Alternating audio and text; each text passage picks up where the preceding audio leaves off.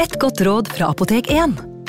Nå er snart pollensesongen i gang, og et godt råd til deg som sliter med pollenallergi, er å begynne behandlingen i god tid før allergisesongen starter.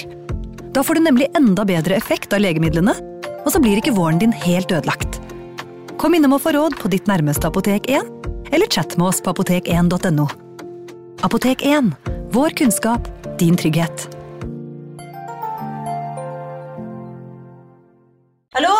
Jeg kommer fra Oslo politikammer.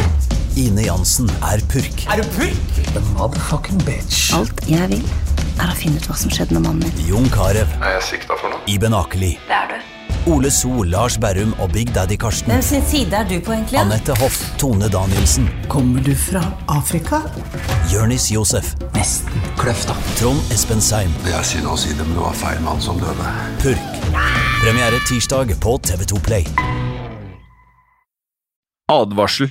I denne podkasten vil du høre historier basert på informasjon programlederne har funnet selv. Programlederne står ikke nødvendigvis inne for meninger og syn som fremstilles. Noen påstander kan avvike fra virkeligheten.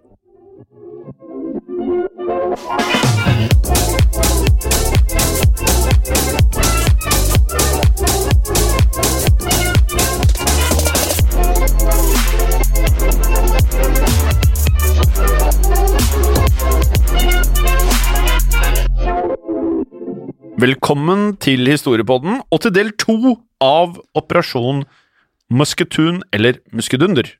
Og for eh, nye lyttere som eh, lytter til Historiepodden for første gang i dag, så er du hjertelig velkommen, selvfølgelig. Velkommen.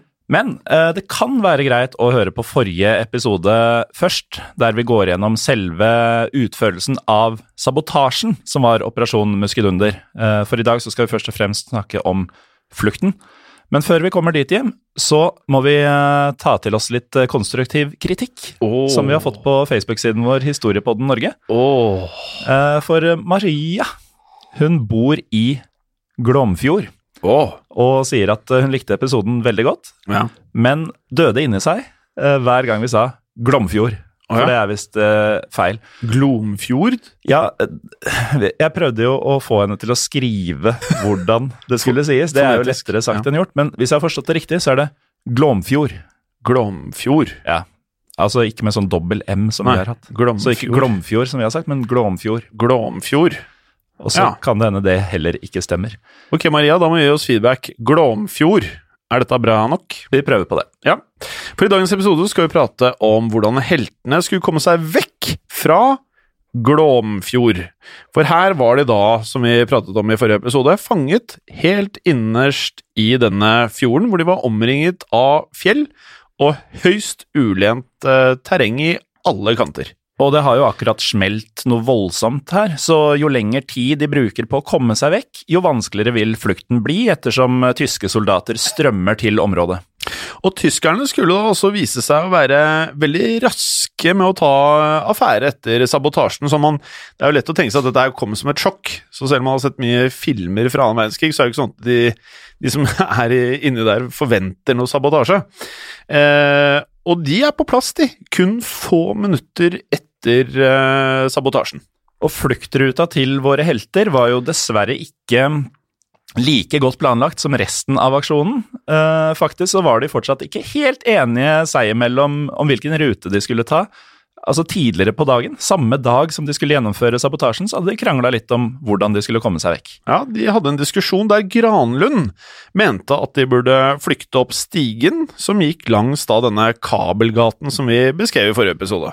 Og selv vi skjønner jo at det er ganske et risikabelt valg, eh, ettersom eksplosjonene mest sannsynlig ville ødelegge trappa eller muligheten for å komme seg frem i dette området.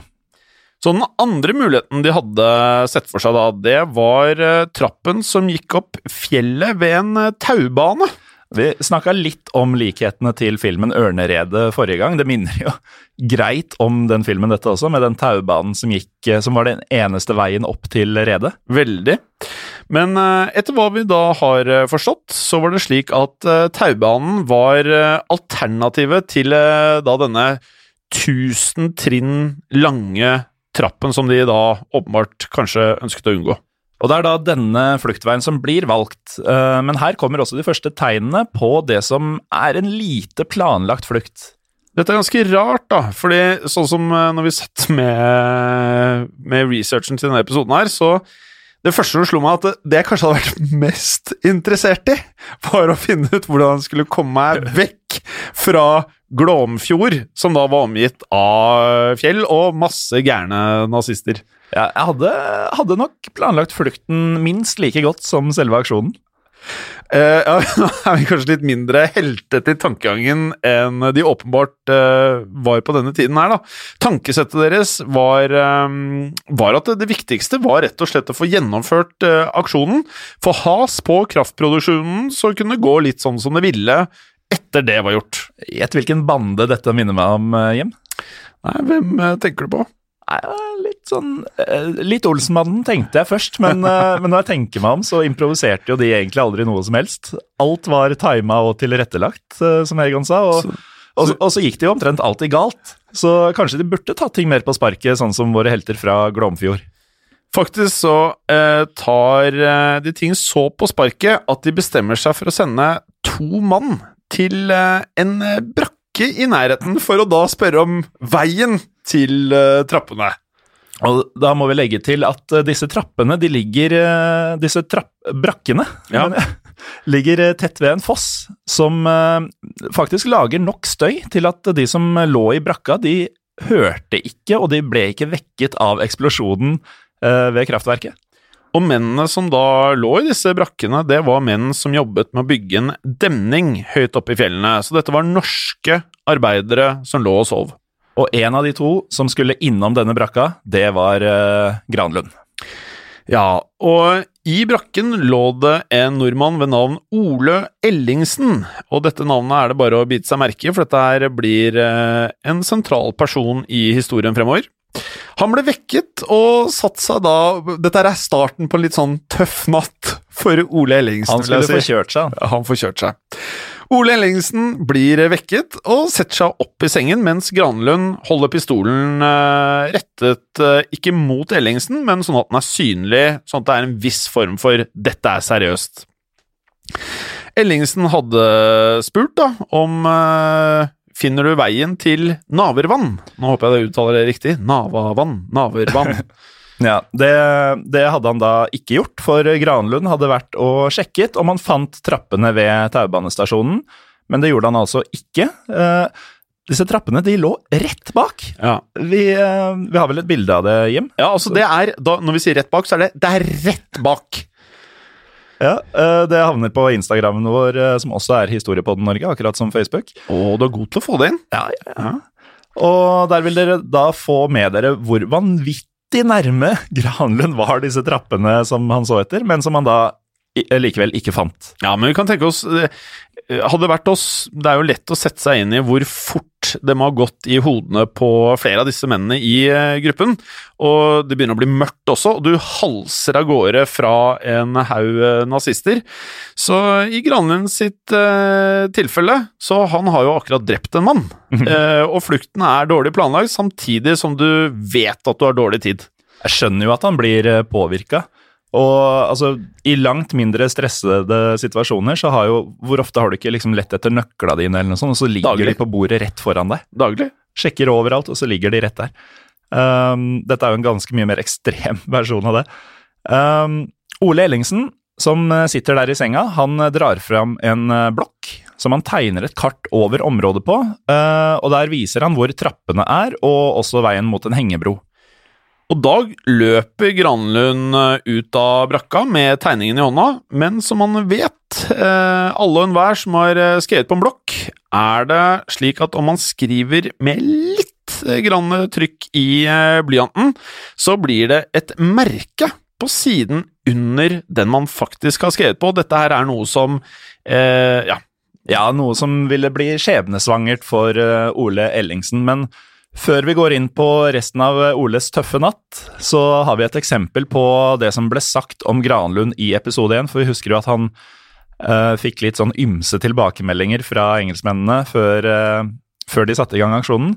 Han var kanskje ikke den som hadde det lettest uh, for å sette seg inn i andres hoder og andres tanker og andres atferd, for det kom jo frem i arkivene fra London at Granlund selv mente at nordmannen i brakka, altså Ole Ellingsen, ikke hadde vært noe interessert i å hjelpe han.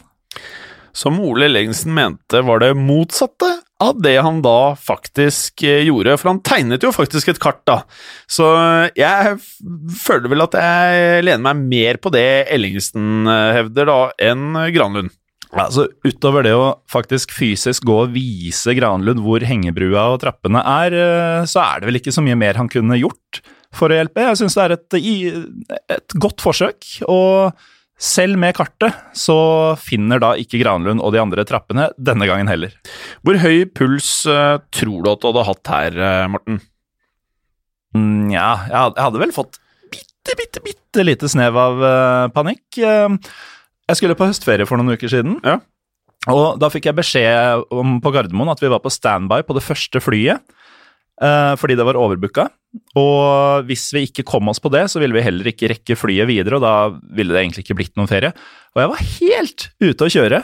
Jeg svetta og jeg surra og kåla med den minste ting. Og ja, da kan man jo selv tenke seg til hvordan jeg ville håndtert uh, viten om at masse nazister jager meg. Jeg har blitt sliten av det sjøl, jeg. Men uh, det, har gjort, uh, det, har blitt gjort, et intervju etter krigen av broren til Ole Ellingsen, som heter Johannes. Eh, han er nå 97 år gammel og lever vel fortsatt. Han er det siste gjenlevende øyevitnet av eksplosjonen i uh, Glomnes. Uh, Johannes synes at, i likhet med oss, da, at det er litt rart at de ikke fant veien. Ja, fordi dette fikk store konsekvenser, og dypdrett går så til brakken sammen med britene i En av britene i gruppen, og det er da Houghton, eller Houghton Houghton eller Houghton eller Houghton, Ja, Houghton får vi kalle han. For å få Ellingsen til å faktisk da vise den veien, for dette kartet holdt jo åpenbart ikke mål for Granlund. Ja, men uh, nå var det ikke like uh, sånn intimt og fint mellom uh, Granlund og Ellingsen. Nå var det nemlig kommet to tyske soldater til brakka. Ja, de tyske soldatene hadde nærmest avhørt Ellingsen for info, om han da hadde sett noen her på natten, noen som har vært innom, hvorpå Ellingsen løy og risikerte eh, sin egen sikkerhet, og sa at han ikke hadde møtt noen som helst denne natten. Og så skjer det noe som får det til å gå kaldt nedover ryggen min, egentlig. Den ene tyske soldaten han setter seg ned på en stol oh. rett ved siden av Ole, som, som fortsatt er i senga si. Den natta til Ole Ellingsen her. Ja, det er, og dette her er egentlig bare starten. Jeg vet. Men han har jo da antagelig hatt en ganske slitsom dag. Eh, å bygge en demning oppe i fjellet er jo ingen lek, liksom. Og skulle ta seg en velfortjent natts søvn. Eh, og så blir han først vekka av sabotører med våpen, og jeg tipper at Granlund, litt sånn hypa på adrenalin og med våpen i hånda, ikke er sånn dødsenkel å ha med å gjøre. Bare minutter etterpå så løper nazister inn døra og, og setter seg Ja, det er grusomt.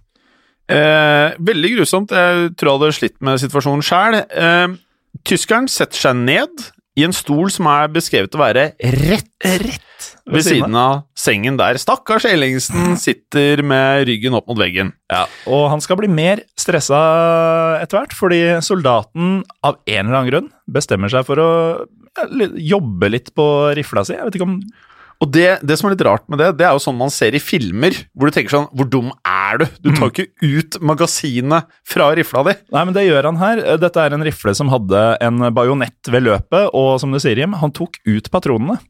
Som i en scene fra en eh, Tarantino-film, da. Ja, ja. Eh, Idet nazisten sitter med patronen i hånden og geværet lent mot veggen, altså ikke noe som var umiddelbart tilgjengelig, så kommer Djupdrett og Huten inn døren.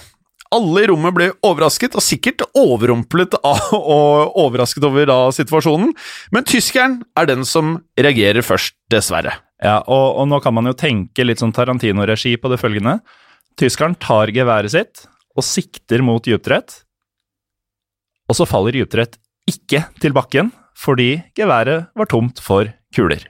Så kaster tyskeren geværet mot dyptrett, som får da den du nevnte, bajonetten i eh, enden av geværet rett i magen. Dyptrett han faller ned på knærne, og mens han holder geværet, som da nå på dette, nå må dere tenke grafisk her, det stikker rett ut av magen på han. Eh, dypdrett drar så bajonetten ut av magen og vakler seg ut av døren på brakka. Det er knallhardt, men uh, skulle igjen ha uflaks, for um, han kom ikke langt for, uh, før han møtte en annen tysk soldat, og med han var det flere som kom i følge. Og på dette tidspunktet var Ole Ellingsen, som allerede hadde hatt en etter hvert ganske actionfylt natt, kommet seg opp av senga og bort til gangen mens Huten var på kjøkkenet. Huten skyter så den andre tyskeren. Captain Black, som var i nærheten, hører da skuddene og kommer løpende til brakka. Og hvis man til nå da er enig med oss om at Ellingsen har hatt en ganske hard natt, så skal temperaturen stige noe voldsomt, for Black som kommer inn døren på hytta, han fyrer av skudd mot Ellingsen, stakkar! Mot Ellingsen, ja. To skudd som begge da bommer. Eh, og i et intervju som er blitt eh, filmet, så ler Ellingsen når han forteller om denne situasjonen. Nordmenn ble lagd av noe annet eh, på denne tiden. Granitt. Så peker da Ellingsen, etter at han har blitt skutt på, mot en nazist som står bak et hjørne, og sier 'Tyskeren! Der er tyskeren! Ta han!' Og igjen, da, eh, det er ikke bare på film at, eh, at det foregår action, for Black han stikker hodet raskt fram rundt hjørnet, sånn som man ser i, i film og, og i spill, for den saks skyld, for å se hvor tyskeren var. Og så to steg tilbake før han gikk, eller egentlig byksa frem og, og skjøt tyskeren, og etter dette så løper alle av gårde. Black gir Granlund ordre om å ta med seg alle og finne en vei vekk litt brennkvikt, men i kaoset så er det sånn at det bare er tre av mennene som følger etter uh, Granlund. De resterende syv trekker seg opp en uh, fjellside, men her blir det litt skjebnesvangert, for de går seg fast. Ja, og de forskanser seg da bak noen steiner, og det er skyting mellom tyskerne og sabotørene, helt til sabotørene går tomme for ammunisjon. Og her tar uh, aksjonen slutt for de syv britene. De blir tatt til fange, og vi snakker den 21. september. En til som ble tatt til fange, var stakkars Ole Ellingsen, som vi da sa hadde en uh, tøff natt. Som ikke bare hadde fått to runder med besøk midt på natten, han hadde jo ikke gjort noe galt, det er jo det som er det paradoksale her. Eh, han hadde blitt skutt på, eh, han hadde sett en mann bli drept, og én ble stukket med bajonett i magen. Og nå skulle de også fengsle han. Ja, det er vel uh, Han prøvde jo bare å sove for natta, stakkar. Det er vel få bråere måter å våkne på. Det er brått. Uh, det som hadde skjedd, var at, uh, som på filmer fra andre verdenskrig, som i Inglorious Bastards, når Hans Landa spilt av eh, Christoph Waltz, eh, oppdager på finurlig vis at det skjules folk i kjelleren. På samme vis så finner en tysk soldat ut at eh, Ole Ellingsen har tegnet dette kartet til Granlund. Det tyskeren gjør, er å ta en blyant og dra den over arket, sånn at man ser ruta Ellingsen har tegna. Det er sånn nazister er veldig rutinerte på. Så det er litt sånn merkelige måter å oppdage ting på. De har øye for detaljer. Det har de. Uh, og som Landa sa i filmen, uh, 'The cunning eyes of a hawk', eller noe sånt, var jo det han ville beskrive tyskere med. Mm. Og dette er 'cunning eyes of a hawk', virkelig, altså. Det førte jo da til at Ellingsen fikk tre harde år i fangeleir, både i Tyskland og i Norge, fram til krigen var over. Vet du hva tittelen til Hans Landa var i Inglorious Bastards? Var han SS Standardenführer. Ja, det var akkurat det han var. eh, og på vei vekk fra hytta så møter Ole sin bror Johannes, som er i sjokk. Hvor Ole sier noe så heltete som at eh, dette kommer til å gå bra, og betrygger broren sin. Det er jo en av de heftigere, mer spennende historiene vi har hatt så langt. Altså, er det i Norge? Ja, og så er det langt fra ferdig. Det er langt fra ferdig. På båten Storegut, der jobber Johannes eh, Ellingsen. Eh, Ellingsen ser den skadede Djupdrett, som nå har blitt fraktet og ligger ved siden av en skadet tysk soldat. Og eh, han beskriver i et eh, intervju som jeg har funnet på NRK, som noe han aldri kommer til å glemme. Og på, denne, på, dette tidspunktet her så er da, som du nevnte, Ellingsen, Johannes Ellingsen altså, 97 år gammel, og det han husker aller best, var dypdrett som lå der sammen med denne tyskeren, snur, snur ansiktet sitt mot tyskeren og spytter den midt i trynet. Det er hardt. Det er hardt. De eh, sju fangede kommandosoldatene og dypdrett de fraktes da på Storegut til Glomfjord. Samtidig som eh, Sverre Granlund sammen med Fred Trigg, Richard O'Brien og John Fairclough Ingen av disse nevnte vi ved navn i forrige episode, men eh, dette er gutta som er med fortsatt. Eh, De er på rømmen, og de er på vei opp eh, Fykandalen for å finne en vei til Sverige. Og på dette tidspunktet er de helt uvitende om at de andre er tatt til fange. Ja. Og det er et viktig poeng for oss å forstå flere av handlingene de gjør etter hvert, da. Ehm, de kommer seg så til en elv i nærheten, eh, hvor det er litt usikkerhet om eh, hva som skjedde sånn eh, i historiebøkene. Det man tror, er at de tok veien opp en bratt fjellvegg, der det hang en kjetting. Og denne kjettingen var hengt opp i dette området før krigen, for at folk skulle kunne ferdes her, da. Så eh, den kunne man da ta seg opp med, og, og rett og slett komme opp eh, eh, denne fjellveggen som, hvis du ikke visste at kjettingen var der, så ville det være nesten umulig å komme seg opp. Og da de fire var eh, kommet til nærheten av Storeglomvatn, så vasset de oppover vannet. Granlund, som vi var inne på forrige gang, snakka jo ikke noe særlig engelsk, men han hadde prøvd å få de andre til å følge etter ham, Hevder han selv. hevder han selv. Engelskmennene i sine rapporter hevder jo at eh, i hvert fall at de tolka det som at eh, Granlund ba dem om å ikke å fortsette med han pga. strømmen i vannet. Ja. Og dette eh, gjør jo da at britene nå er på feil side av elven i forhold til Granlund. Og Granlund er den eneste med kart på dette tidspunktet her, da, så han fortsetter for å prøve å finne Black. Og eh, her er siste gang disse fire eh, er samlet, da.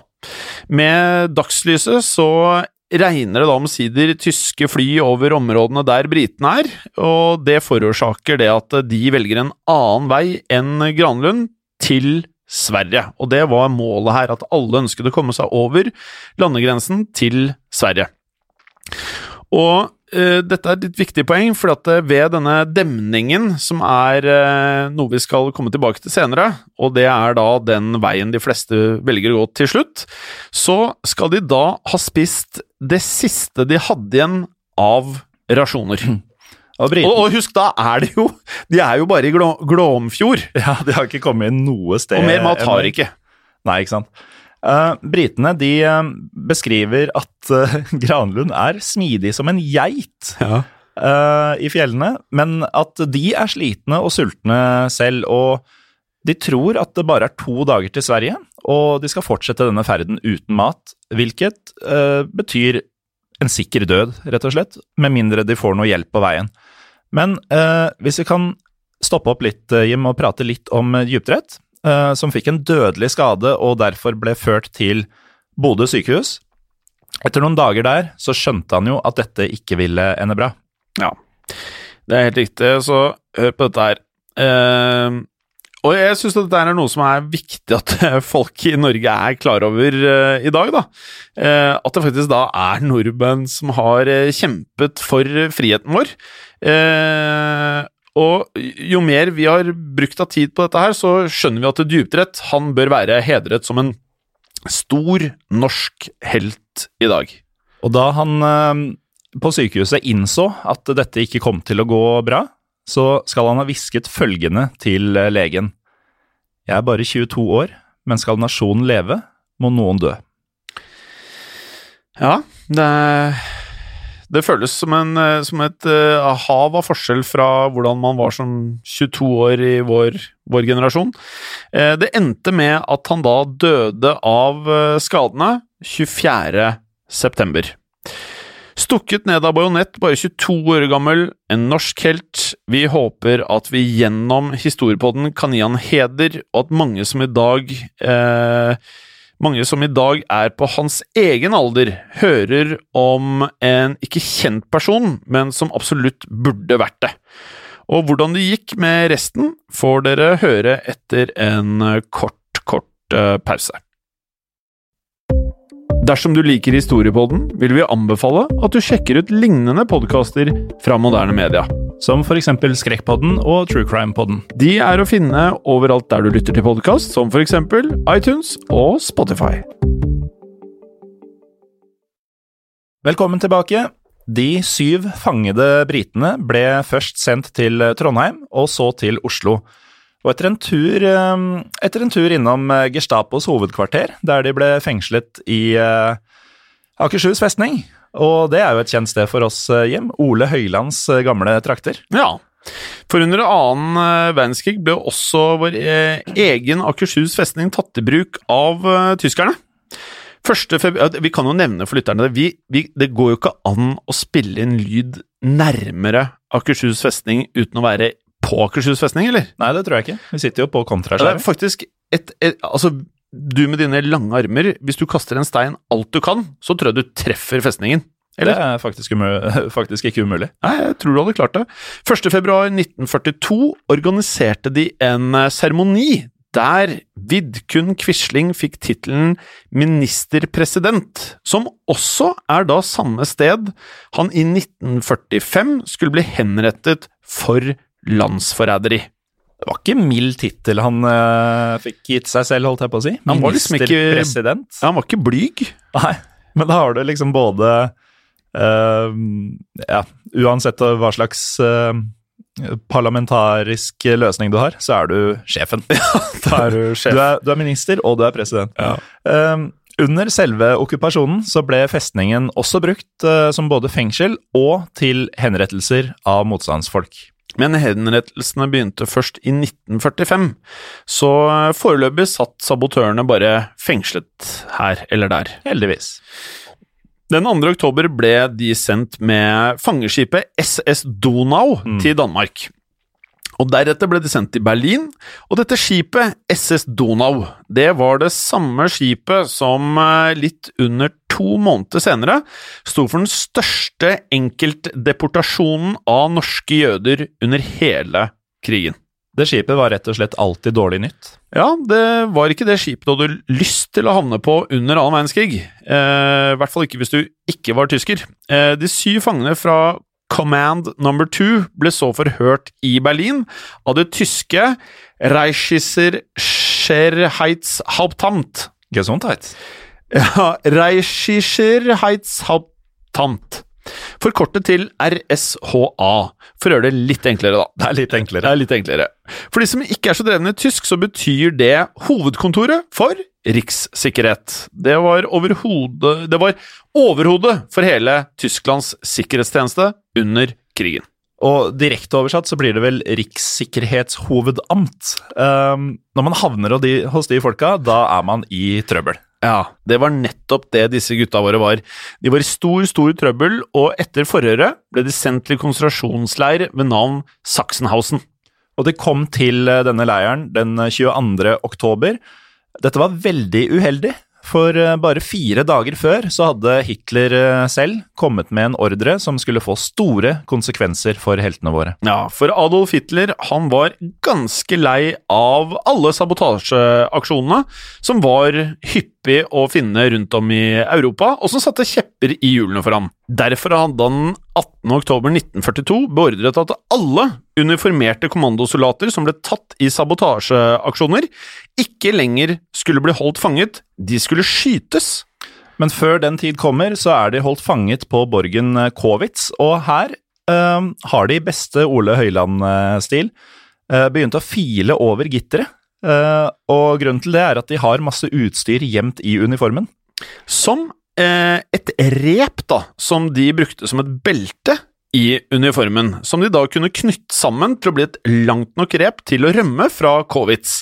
Dessverre var de rett og slett ikke lenge nok på Kovitz til at de fikk gjennomført uh, flukten, og ble ført videre da, denne gang til Sachsenhausen. Ja, De eh, syv soldatene fikk altså kun en eneste natt i Sachsenhausen. Eh, måten de eh, drepte alle disse militære fangene på, altså de tyskerne, var nokså systematisk. Tyskerne latet som om de skulle foreta en eh, legesjekk av eh, fangene. Da var det faktisk da soldater som hadde på seg hvite eh, legefrakker, for å late som om alt bare var normalt, og at de faktisk skulle være snille, da, med fangene. Diabolsk. Diabolsk. Uh, mens alt uh, pågikk uh, mens nazisten spilte utrolig høy tysk vals og tysk, annen tysk musikk, for å da dekke til lyder, eh, men samtidig skape en god stemning.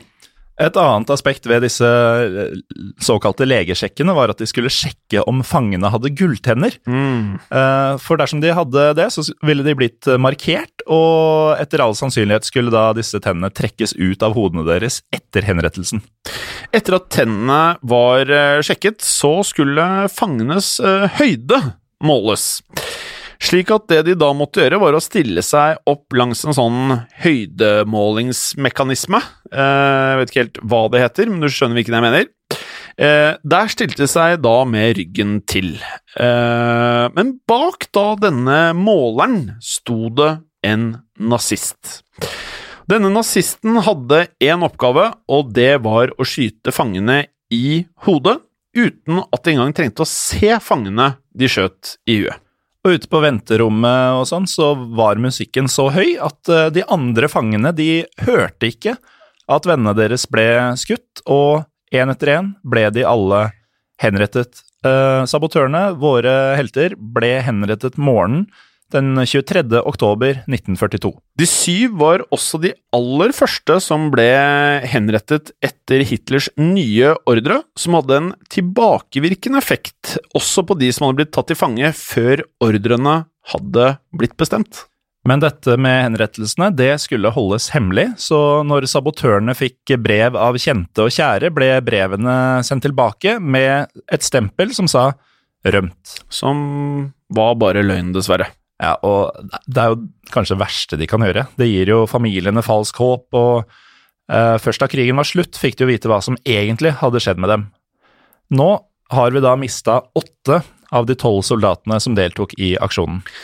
Ja, dette er jo en eh, veldig actionfylt historie, selvfølgelig, men også veldig trist. Eh, men vi skal huske på, nå er det fire mann igjen. De er på rømmen, og de kan fremdeles komme seg helskinnet gjennom sabotasjeaksjonen.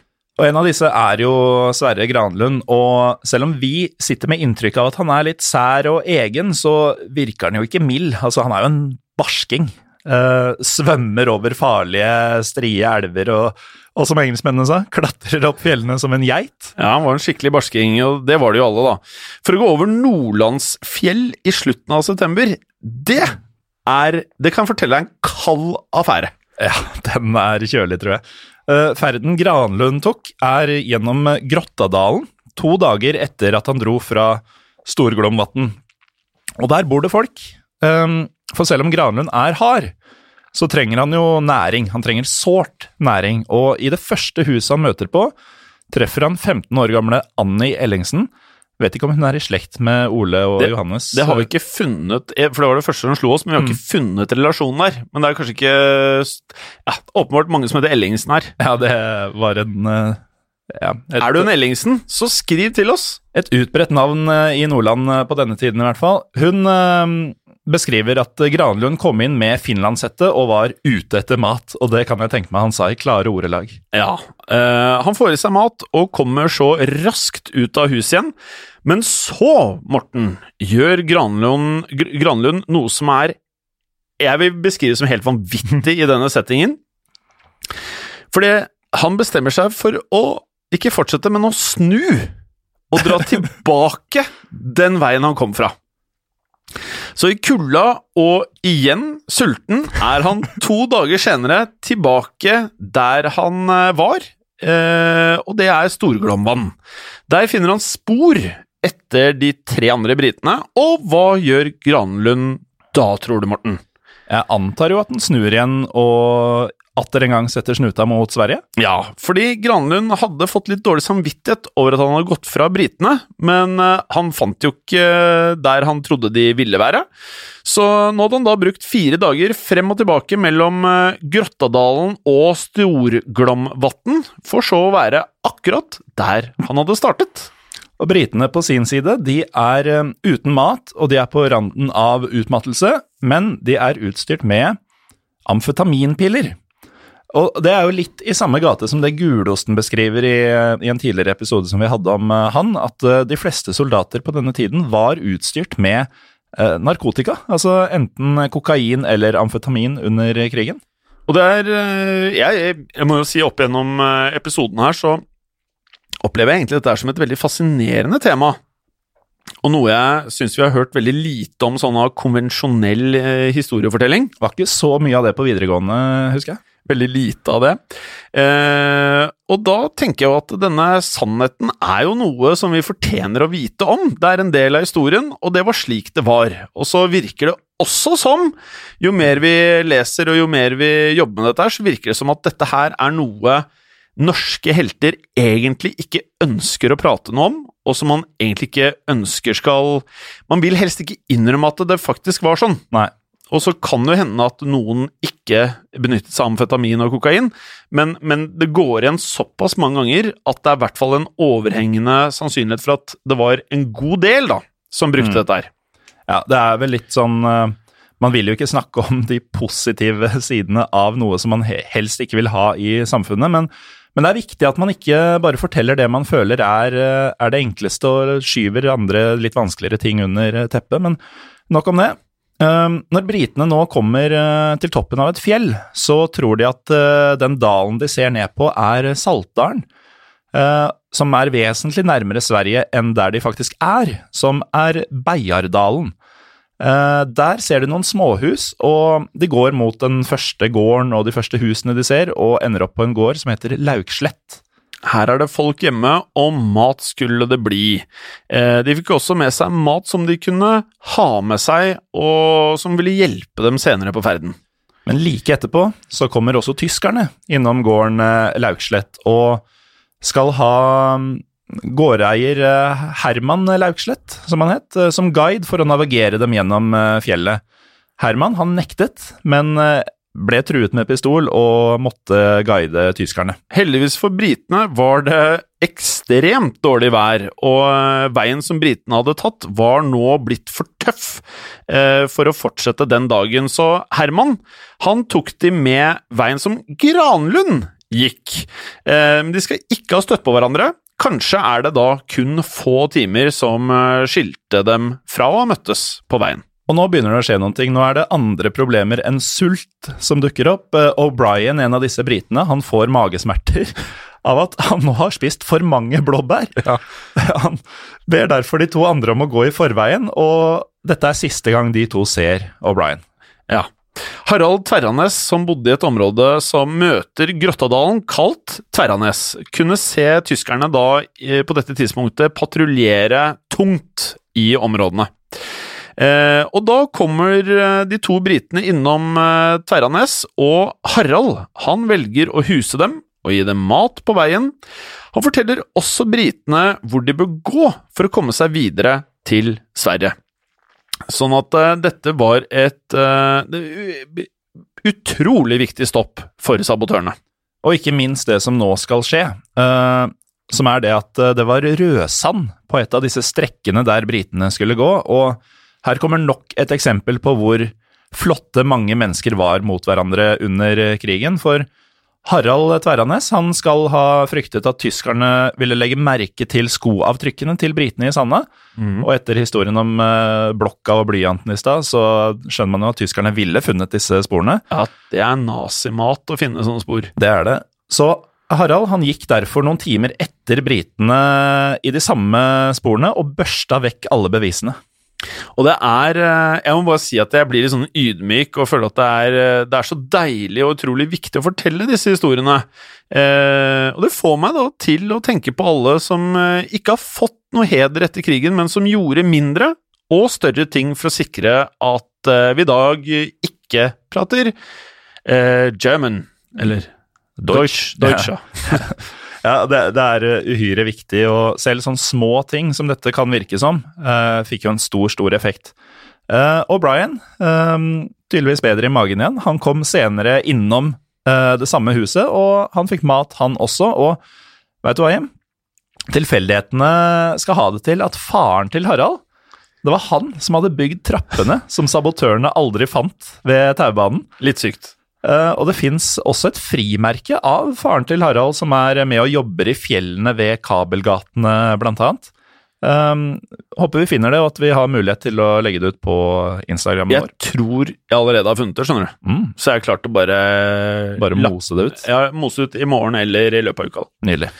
Granlund er på flukt samtidig han, eh, som alt dette foregår, og eh, vet hvor han kan få hjelp. Øverst i Tollådalen, Tollådalen, eh, der er det mange nordmenn som opp gjennom årene har hjulpet mange sabotører og andre som var på flukt fra tyskerne.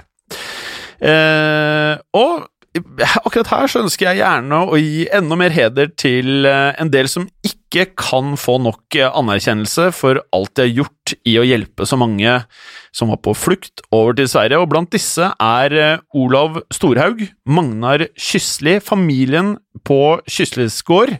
Uttaler jeg det riktig? Kyslis? Jeg tror det. Ja, Kyslis gård. Og familien på Storhaug gård. Og ingen av dem, og dette her er litt viktig å forstå, da, Mm.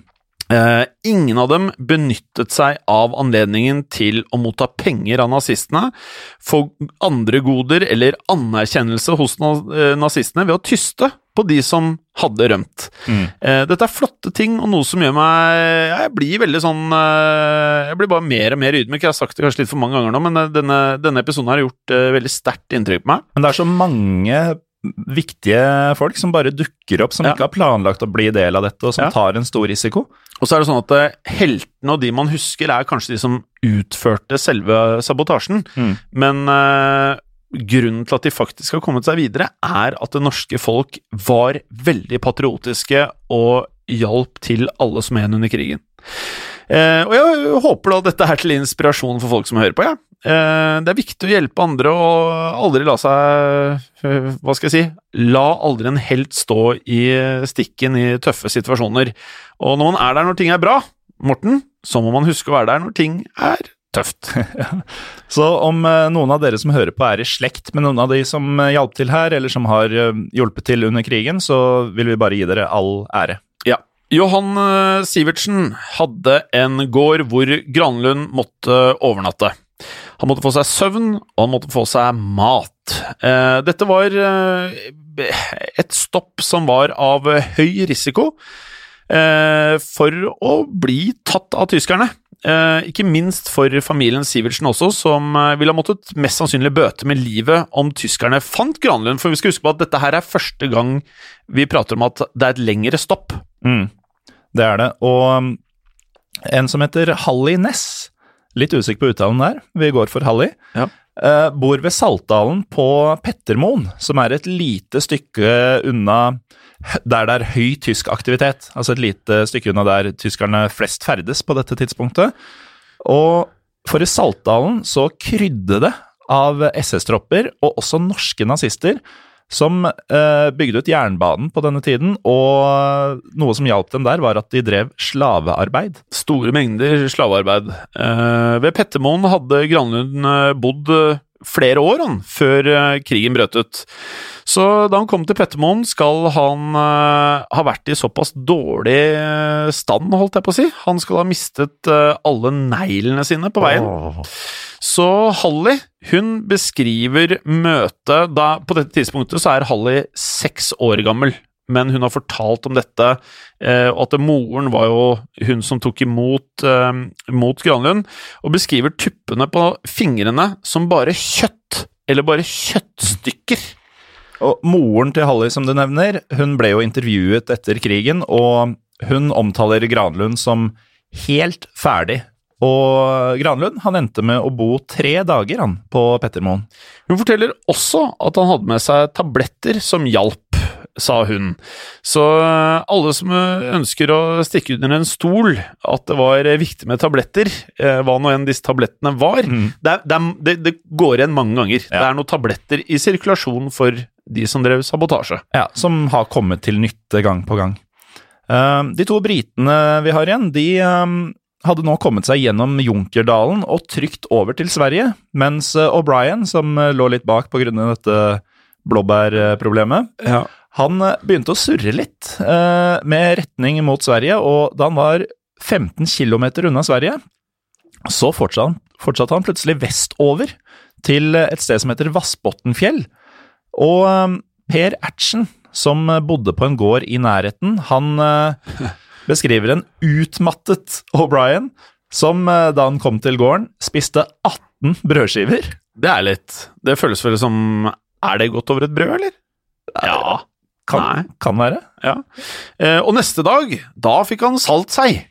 Ja, det, det fikk han vel. Jeg, jeg tror min rekord eh, er kanskje åtte-ni brødskiver, og da pusha jeg meg skikkelig på leirskole i tiende klasse. Jeg klarte nesten et brød en gang.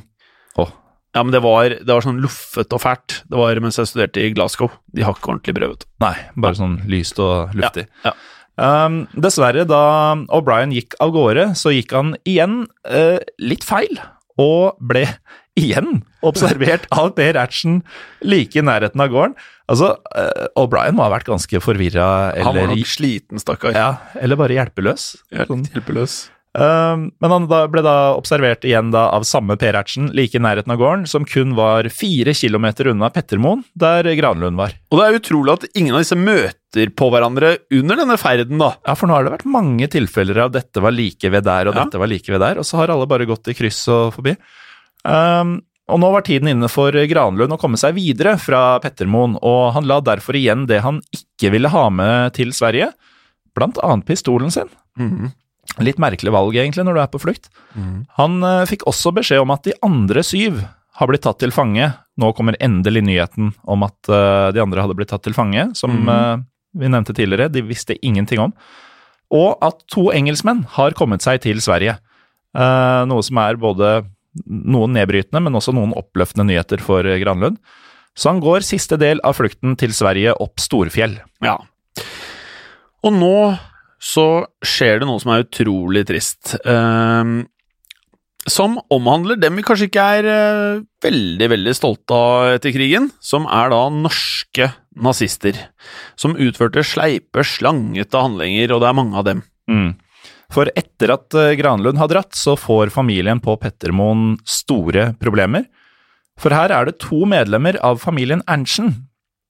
Eh, De hjelper så to personer til som de trodde var nordmenn på flukt. Ja, men eh, de var ikke på flukt. Eh, de var noen skikkelige fælinger som fikk greie på at Granlund hadde vært på Pettermoen. De fikk også greie på at han hadde lagt inn en pistol, og all annen info de spurte om, som også annen type våpen og ammunisjon som hadde vært på Pettermoen i denne perioden.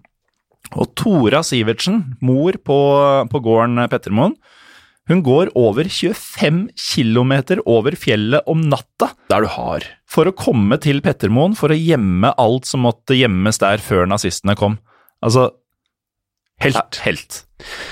Men når hun nærmer seg Pettermoen, så får hun vite at eh, yngstedatteren på gården har klart å legge seg opp en balje med kokende vann, som, eh, ja, som var eh, varmet opp på ovnen og var ment for å vaske klær med. Og eh, Hjalmar, overhodet på gården, måtte da flykte til Sverige. Eh, han, i, han måtte rett og slett komme seg vekk i frykt for hva som ville skje når eh, nazistene da omsider ville komme. Eh, og det var samtidig som han da visste at datteren hans hadde enorme brannskader. Og det fikk jo Tora også vite eh, på veien hit, men eh, som den tøffingen hun var, så beholdt hun fokus på oppgaven sin. Hun fikk gravd ned våpen og det som måtte graves ned. Ja. Omsider så kom da norsktalende nazister som eh, De hadde gått en del feil, de, før de kom frem. Ehm, og de sparka opp døren på gården. Og nazistene skal på dette tidspunktet vært eh, drita eller i hvert fall beruset. Ja, i hvert fall påvirka. Ja, de er påvirka alkohol. Fulle. I hvert fall fulle. Eh, jeg vet ikke hva som er forskjellen på full og drita, men eh, de er beruset. Drita er Eh, du veldig full. ja, ikke sant. Ja, nettopp. De kom med en liste da, med, med navn på alle som skulle arresteres, og da Hjalmar, som hadde nå flyktet, han sto helt øverst på listen. Men eh, ettersom Hjalmar eh, var på rømmen, da skulle de ta Tora. Men da viser Tora fram datteren, som er eh, forbrent, og sier eh, hun kan ikke bli med dem. Og det godtok de faktisk. Ja. Men det som da skal skje denne kvelden, det er at uh, datteren til uh, Tora, hun dør. Mm. Og nazistene de finner faktisk også pistolen til Granlund, men ikke magasinet, som Tora hadde gjemt for godt. Og neste sommer rømmer også Tora og familien til Sverige, de også, og gjenforenes med Hjalmar. Hyggelig. Og Brian, han har fått hjelp til å komme seg over grensen. Og det trengte han ut fra Ja. de navigasjonsgreiene hans. Han uh, slet litt. Og noe vi ikke har pratet så mye om, for det er så mye informasjon å ta av, det var at alle var utrusta med Inni uniformene deres så hadde de så mye hemmelige ting sydd fast i sømmene, sånn at alle disse var utrusta med et, um, et kart av silke over området. Mhm. Men noen av disse kartene var litt lite detaljerte og litt vanskelig å følge, så eh, de fleste hadde tilgang på et form for kart, Mhm. men eh, det var vanskelig rett og slett i denne perioden å navigere. Og da endelig 10. oktober var O'Brien kommet seg over svenskegrensen, han også. Omtrent tre uker etter at uh, aksjonen starta. Ja, det tok litt tid. Uh, naturlig da å tenke at uh, dette er slutten på historien, men det er det ikke. For uh, Granlund, han skal uh, kun fire måneder etter at han kommer seg til Sverige, så skal han om bord på en ubåt igjen. Og han er faktisk på vei tilbake på denne ubåten til samme område som han eh, nettopp hadde flykta fra og sabotert. Uredd het denne båten. Det passer bra. Ja, som den kongelige norske marine hadde overtatt av den eh, engelske marinen. Dette skal ha vært en moderne ubåt som sådan. Eh, februar 1943 er de da på vei langs norskekysten nord for Glom, Glomfjord. Var det riktig? Ja, vi får se. med seks stykk kompani linjesoldater om bord. De skal nemlig sabotere kraftforsyningen til Sulitjelmann Sulitjelmann Gruber. På veien så Klar, klarer du å si det? Nei, jeg tør ikke å prøve. engang. Sulitjeman Gruber. På veien så forsvinner ubåten uredd. Og etter krigen så eh, fant man ut hva som hadde skjedd med Uredd. Og dessverre så har ubåten Uredd gått på en tysk mine, Mm. og eh, sank dermed, da. Eh, og dette skal eh, senere vise seg å være mm, den, eller i hvert fall en av de største norske tapene under krigen. For Granlund, han dør sammen med 40 andre medsoldater. Men før dette så hadde Granlund skrevet uh, dette. Frihet er som sol og luft. En må ha savnet den for å føle. Det går ikke an å leve den foruten. Det har skjedd, Morten. Og det kan skje igjen. I produksjonen av Historiepodden så ønsker vi å takke Håkon Bråten for lyd og musikk. Takk til Felix Hernes for produksjon. Takk til Ellen Froktenestad for tekst og manus. Og takk til deg, Morten Galesen, for programlederrolle.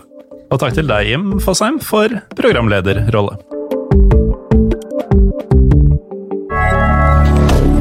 Moderne media. Har du et enkeltpersonforetak eller en liten bedrift? Da er du sikkert lei av å høre meg snakke om hvor enkelt det er med kvitteringer og bilag i fiken, så vi eh, gir oss her, vi. Fordi vi liker enkelt. Fiken superenkelt regnskap. Hei, og takk for at du lytter til Historiepodden. Skulle du ønske at du kunne høre en ny episode av Historiepodden hver eneste uke? Vel, da er det én ting å gjøre. Da kan du laste ned podkastappen Untold med det samme. For i tillegg til ukentlige episoder av podkaster som Historiepodden andre verdenskrig, Henrettelsespodden og også Gangsterpodden, så får du masse annet reklamefritt og også eksklusivt innhold. Last ned Untold i AppStore eller Google Play og start din 30 dagers gratis prøveperiode allerede i dag.